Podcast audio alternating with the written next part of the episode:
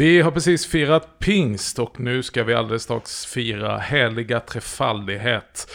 Treenigheten med Fadern, Sonen och den heliga Ande. Jag tänker på att ordet och är viktigt där. Det är inte antingen eller, utan det är Fadern och Sonen och den heliga Ande. Och här sitter jag och Johan Eriksson och Mia Ström är tillbaka, regional missionsföreståndare i Mittsverige. Och vi talar just om det här inte antingen eller utan både och. Framställde oss precis som den lilla tränigheten här märker jag. Men eh, det finns en poäng i att lyfta fram kyrkans olika sidor och praktiker och nådegåvor. Och vi pratar med Mia om retriter, vi har pratat om ignatiansk spiritualitet och vi ska fortsätta dyka in i vad det finns för några behov, men inte minst vad det finns för några rikedomar i kyrkan. Så häng med!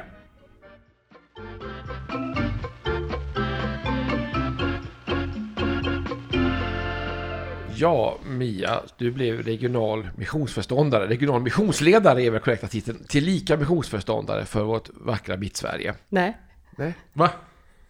jag är distriktsföreståndare. Du är inte regional missionsledare. Nej. Förlåt. Men du sa, okej. Okej, okay, det var jag som sa det Ja, fel. det blir fel. Vi, båda- vi gör båda fel. Vi, Ja. I ödmjukhet böjer vi under ordningar och återgår till ordningen. Jag, jag, har en, jag har en spaning och fråga här. Det gäller det ignatianska som vi pratade om sist och spiritualiteten där med människor under svår stress. Jag upplever att den fromheten har sina absoluta fördelar. Framförallt när grann torkar ut. Och jag tänkte du berättade lite, vi kan vi inte ta tag i det här med visualiseringen igen bara och knyta an där igen? Jo, absolut. Alltså en del i, ja det är ju inte Luthers fel, men, men ganska ofta så blir, eh, har, har luthersk, lutherdom blivit väldigt mycket lära. Eh, att, att omfatta rätt trossatser, tro rätt saker, kunna skriva under på nedersta raden. Att in, på ett nervöst sätt ibland mm, rota i skriften för att för, förvissa sig om att man inte tolkar någonting fel rent begreppsmässigt.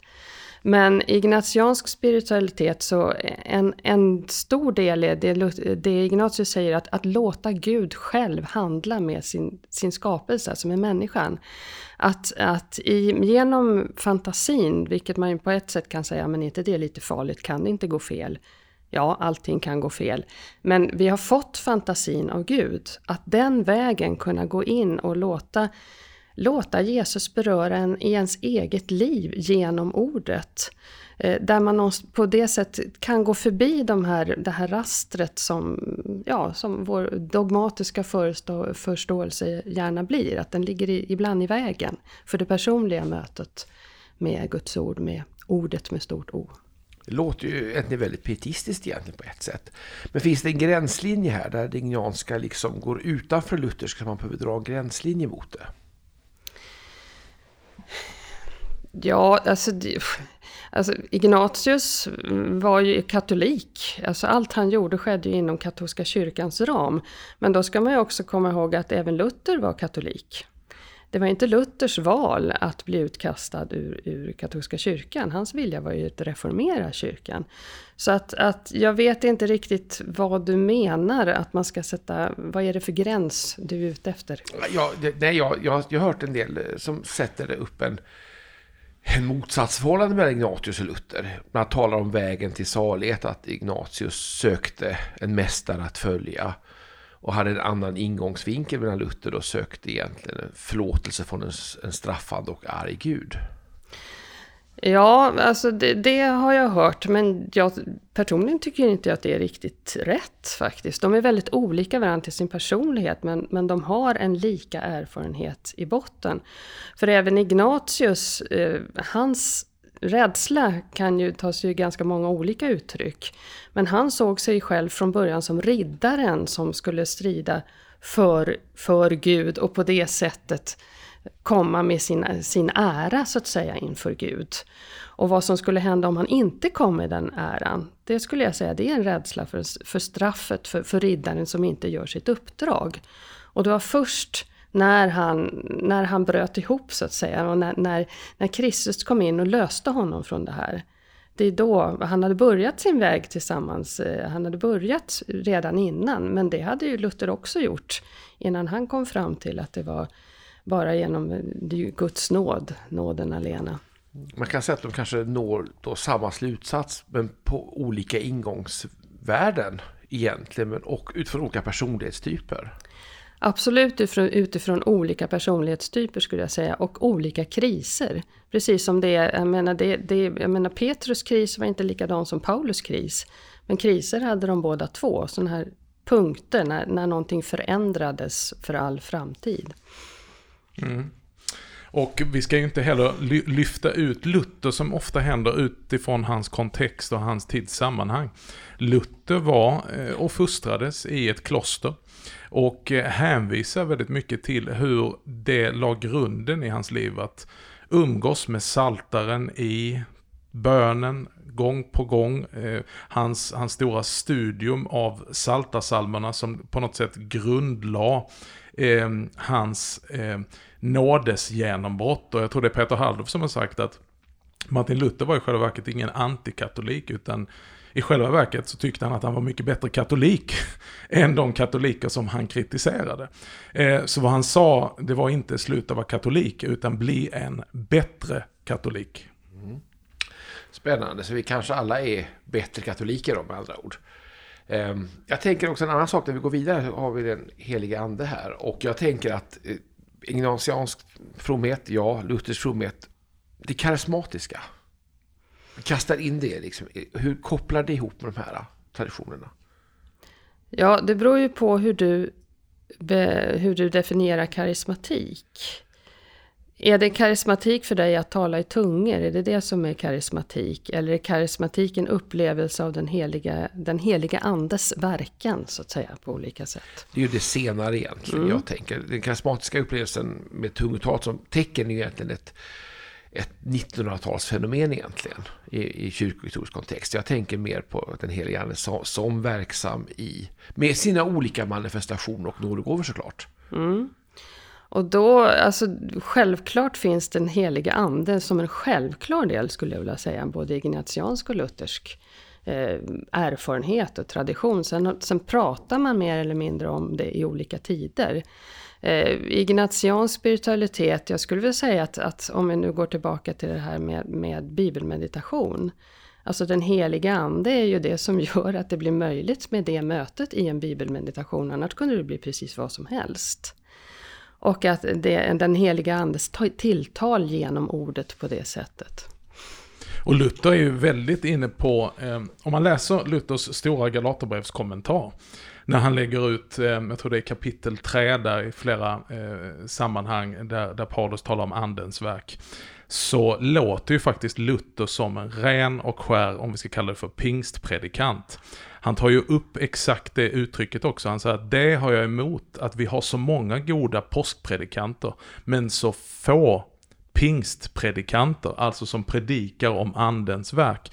Men då inte utifrån den förståelsen som vi har på 1900-talet att någon sorts tecken, enda tecken på att anden är verksam, det är att du har fått tungotalets gåva.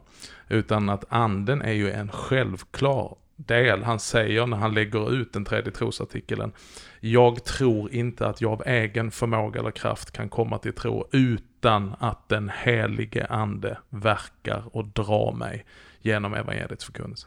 Mm. Jag tänker tala mycket om retriter här och uppbyggelse. Jag har ju en del pingstvänsvänner då som skulle kunna säga att men vad är retreat liksom? Ett par timmars tungotal löser biffen lika bra. Eller ett rejält bönemöte. Ja, alltså för det första, för, ja, varför ska man ställa saker i motsatsförhållande till varandra? Eh, ja, ett, en timmes tungotal, fantastiskt. Om det drar dig närmre din Herre och om det också öppnar, öppnar upp vem du är och vad Guds kallelse i ditt liv. Jättebra. Man måste inte sätta saker i motsatsförhållande.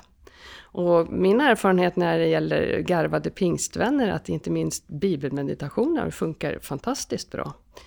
Eh, framförallt om man introducerar dem utan att tala om var de kommer ifrån från början så funkar det jättebra. Sen kan man tala om var de kommer ifrån. Där har vi ett tips som jag kan stryka under på att eh, det är ibland när man eh, döljer vem som har sagt vad. Jag har gjort liknande med, med Rosenius citat, så har jag satt upp det på en powerpoint, men inte vem som har sagt det. Och folk upp med sina kameror och ska fotografera så här, det var jättebra, ja, Carl Olof Rosenius. Hade jag sagt det i första läget så är det vissa som automatiskt hade sållat bort det. Men eh, jag tycker att vi ska gå tillbaka om en stund i programmet till syftet då med att ta till oss kyrkans olika spiritualiteter och traditioner och hur det kan berika oss och vad som är syftet med det. Mer om detta om en stund.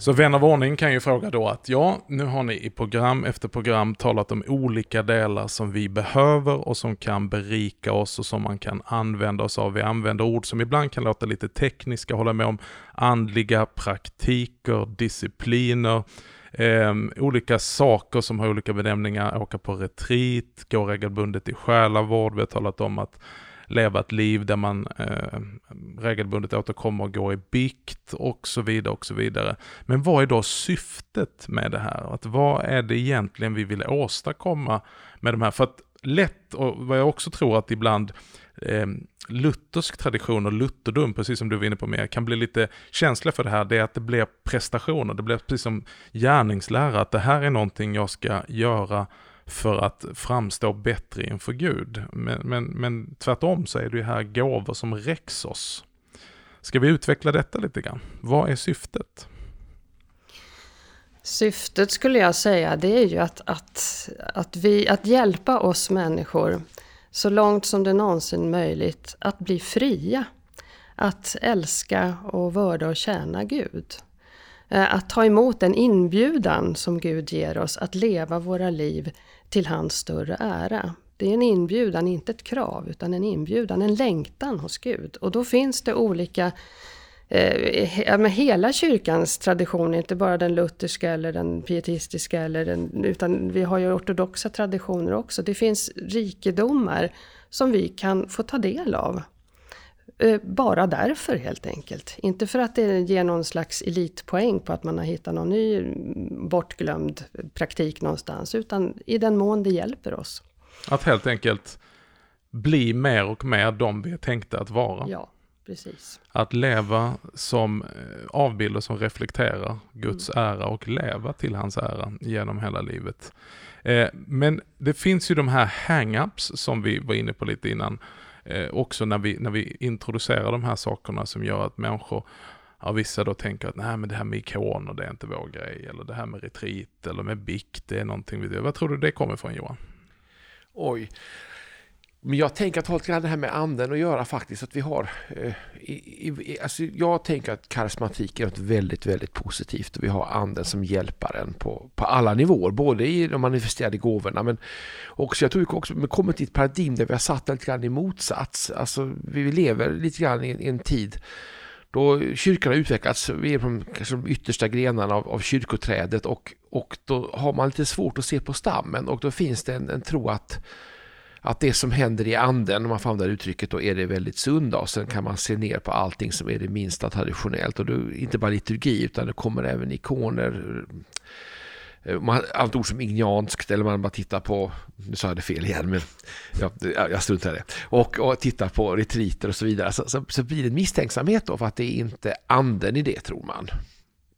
Och där tror jag det uppstår en, en och det är en begreppsförvirring också, en, en, en historielöshet.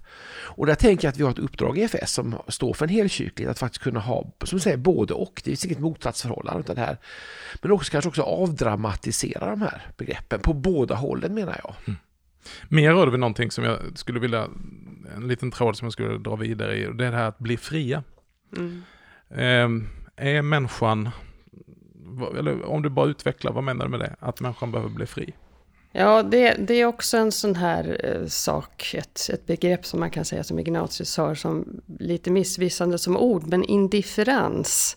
Att det handlar inte om att vara likgiltig, men att vara fri egentligen. Att, eller som Paulus säger, att han, han är förtrogen med både rikedom och fattigdom och så vidare. Att, att vara så att inte vara bunden vid vad det än är. Det kan vara precis vad som helst. Utan att vara hel, kunna vara helt fri. Att, att vara den som Gud har kallat den att vara. Mm.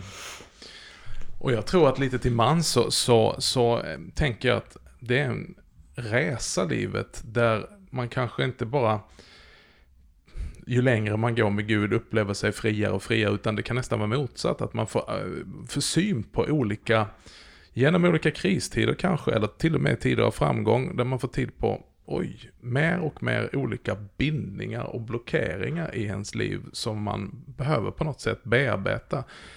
Ofta är det ju inte bara en predikan till man behöver, utan det är ju liksom något sätt där jag kan liksom bearbeta detta. Mm. Och, och, det första är ju att få syn på det. Mm. Eh, och där är ju, för att få syn på de här riktiga, en del saker är ganska uppenbara, inte minst ofta för de människor som finns omkring en, vad man är bunden vid. Men andra saker kan ligga på så djupa plan att det kan vara svårt att få syn på dem själv också. Och då är retriten just ett sånt tillfälle där Gud har en chans att, att någonstans visa på det i kärlek, att det här är någonting som faktiskt inte leder till välsignelse för en själv heller. Och ibland så handlar det faktiskt också om saker, alltså kan till det yttre vara väldigt fromma saker. Mm. Saker som kommer under, som det kallas för det godas sken. Mm. Det har den fromma ytan men det har inte, det har inte Kristussmaken i, i kärnan, i djupet. Ja, just det. Och som blir destruktivt för ja. både mig själv och för min omgivning. Och, och kanske också destruktivt eh, och förgifta mitt gudsförhållande. Mm.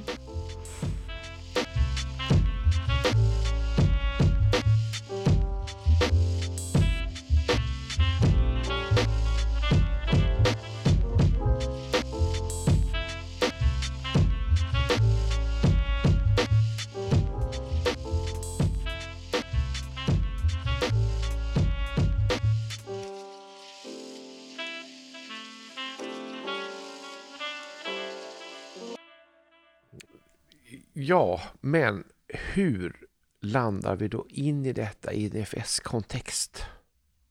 Jag hör vad ni säger, det är fantastiskt. Du sysslar med Retitemia, det är Kompass egentligen som driver de här. Eh, vi har vår helkyrka, men, men om vi bara tar det tillbaka in i FS igen. Magnus, vad, vad, vad tänker du?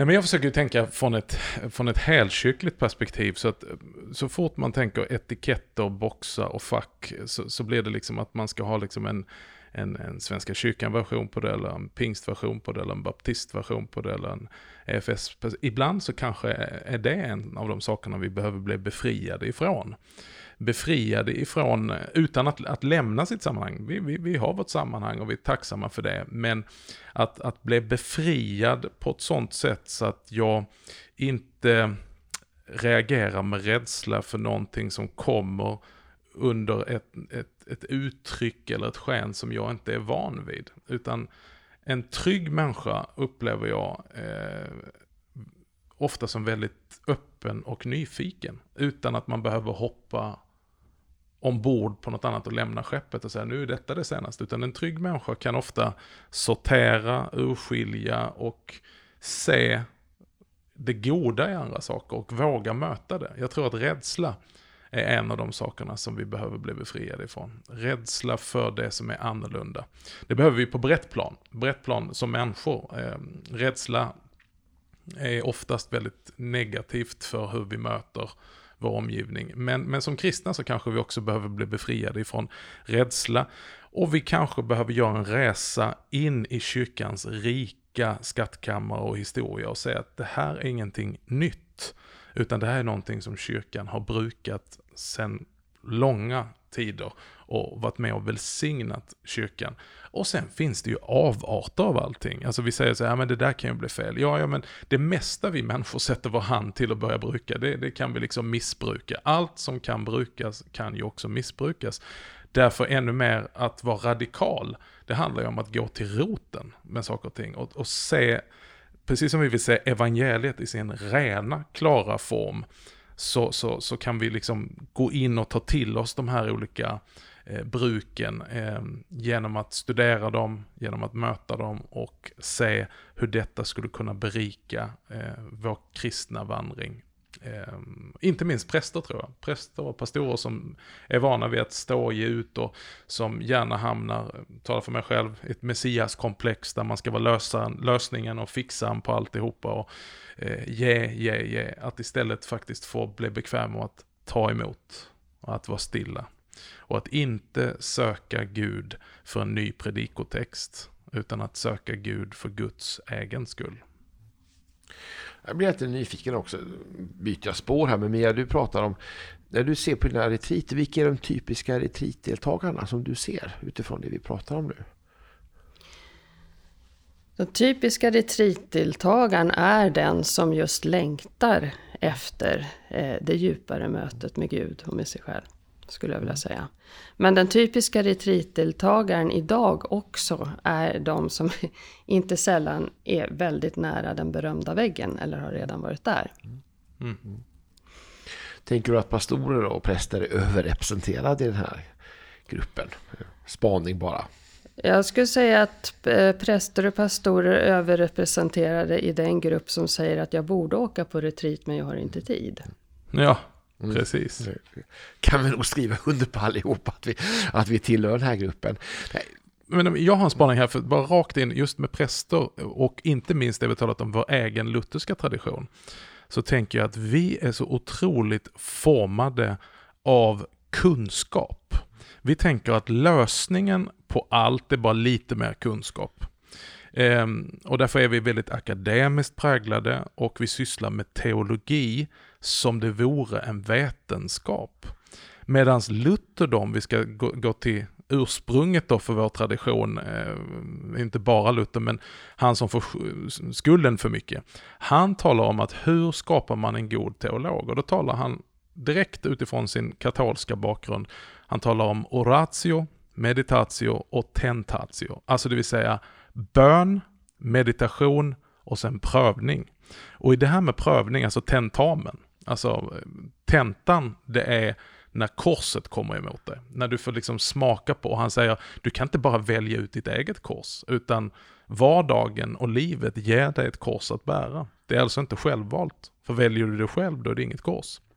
Så han förenar ju väldigt mycket sin teologi och sin tro med praktik och att göra erfarenheter. För att det är erfarenheterna som både sprickorna syns, men som också det syns vad jag har fått med mig och där någonstans formas det till en verklighet. Så jag tänker att vi behöver mycket mer, både på våra teologiska institutioner och i hur vi eh, tränar och coachar präster och pastorer, mycket mer av formation än bara information.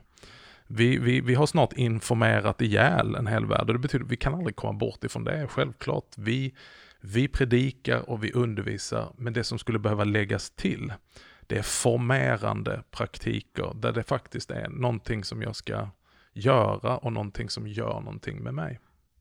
Och där tänker jag att därmed där har du eh, funnit någonting i den här traditionen som, som lite adderar någonting till det här. Mm.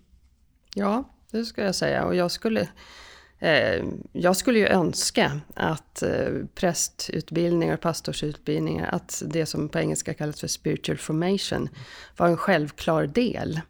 Eh, där det ju ingår givetvis just det enskilda mötet bara med Gud. Mm. Och där det inte är en fråga om vill du åka på retreat utan det här ingår. Mm.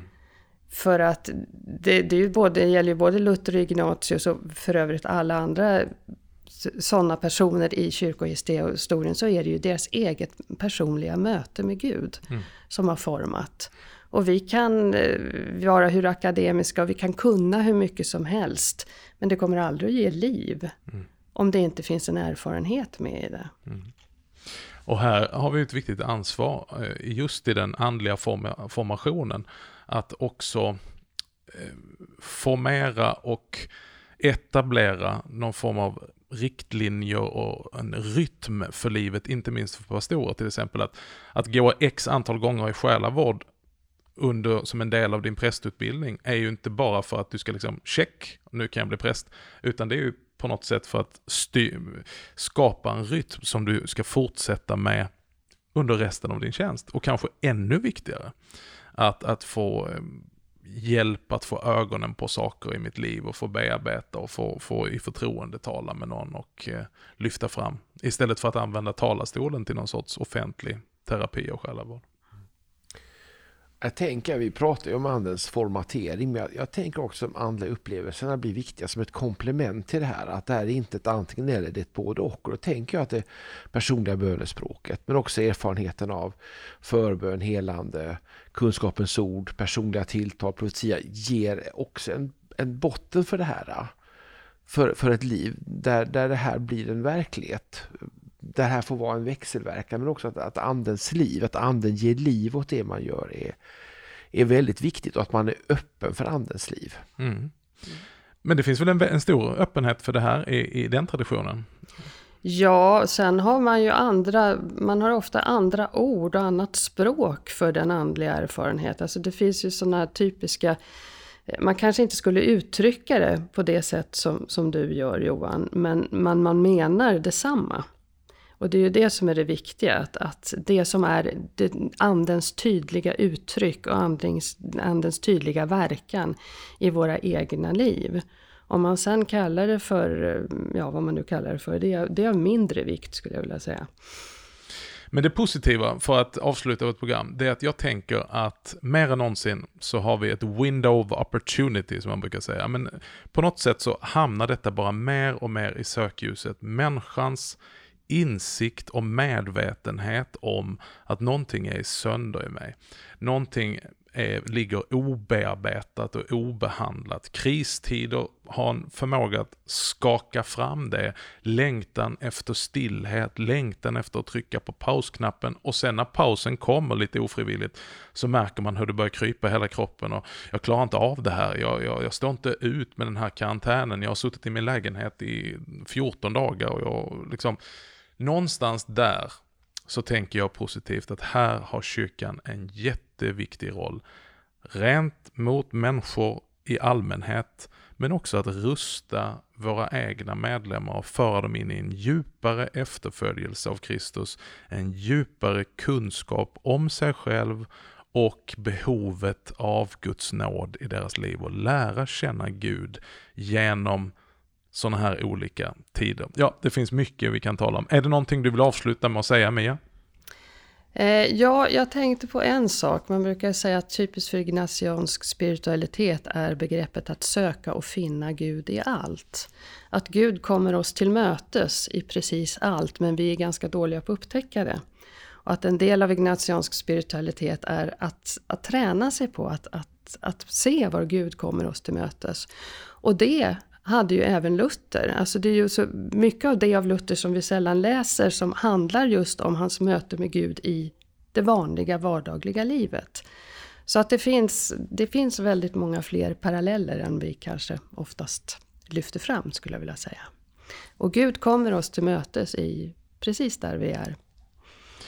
Och Luther, han, verkligen som du säger Mia, hans eh, undervisning om vocatio, hur Gud uppenbarar sig bakom de här maskerna i pigan, i föräldrarna, i ja, medmänniskor och jag tänker på Luthers stora vändning i livet kom genom ett åskväder. Där någonstans har han någon form av encounter med Gud som naturligtvis är präglad av hans tid och, och deras syn och så vidare. Men eh, ja, jättebra. Att se och möta Gud i allt, eller att söka och se Gud i allt. Det förblir vårt sista ord här Johan. Mm. Stort tack Mia. Vi tackar för att du har lyssnat på Reformera-podden återigen och eh, vi önskar dig Guds rika välsignelse och hoppas att du kommer tillbaks till oss om en vecka. Då är vi tillbaka och då ska vi gå vidare med karismatik. Vi har ju firat pingstdagen här och vad är pingsten och vad betyder karismatiken och var hittar den sin rännil och sin plats i helkyrkligheten? Mer om detta i nästa avsnitt av Reformera-podden. Tills dess, Guds rika välsignelse.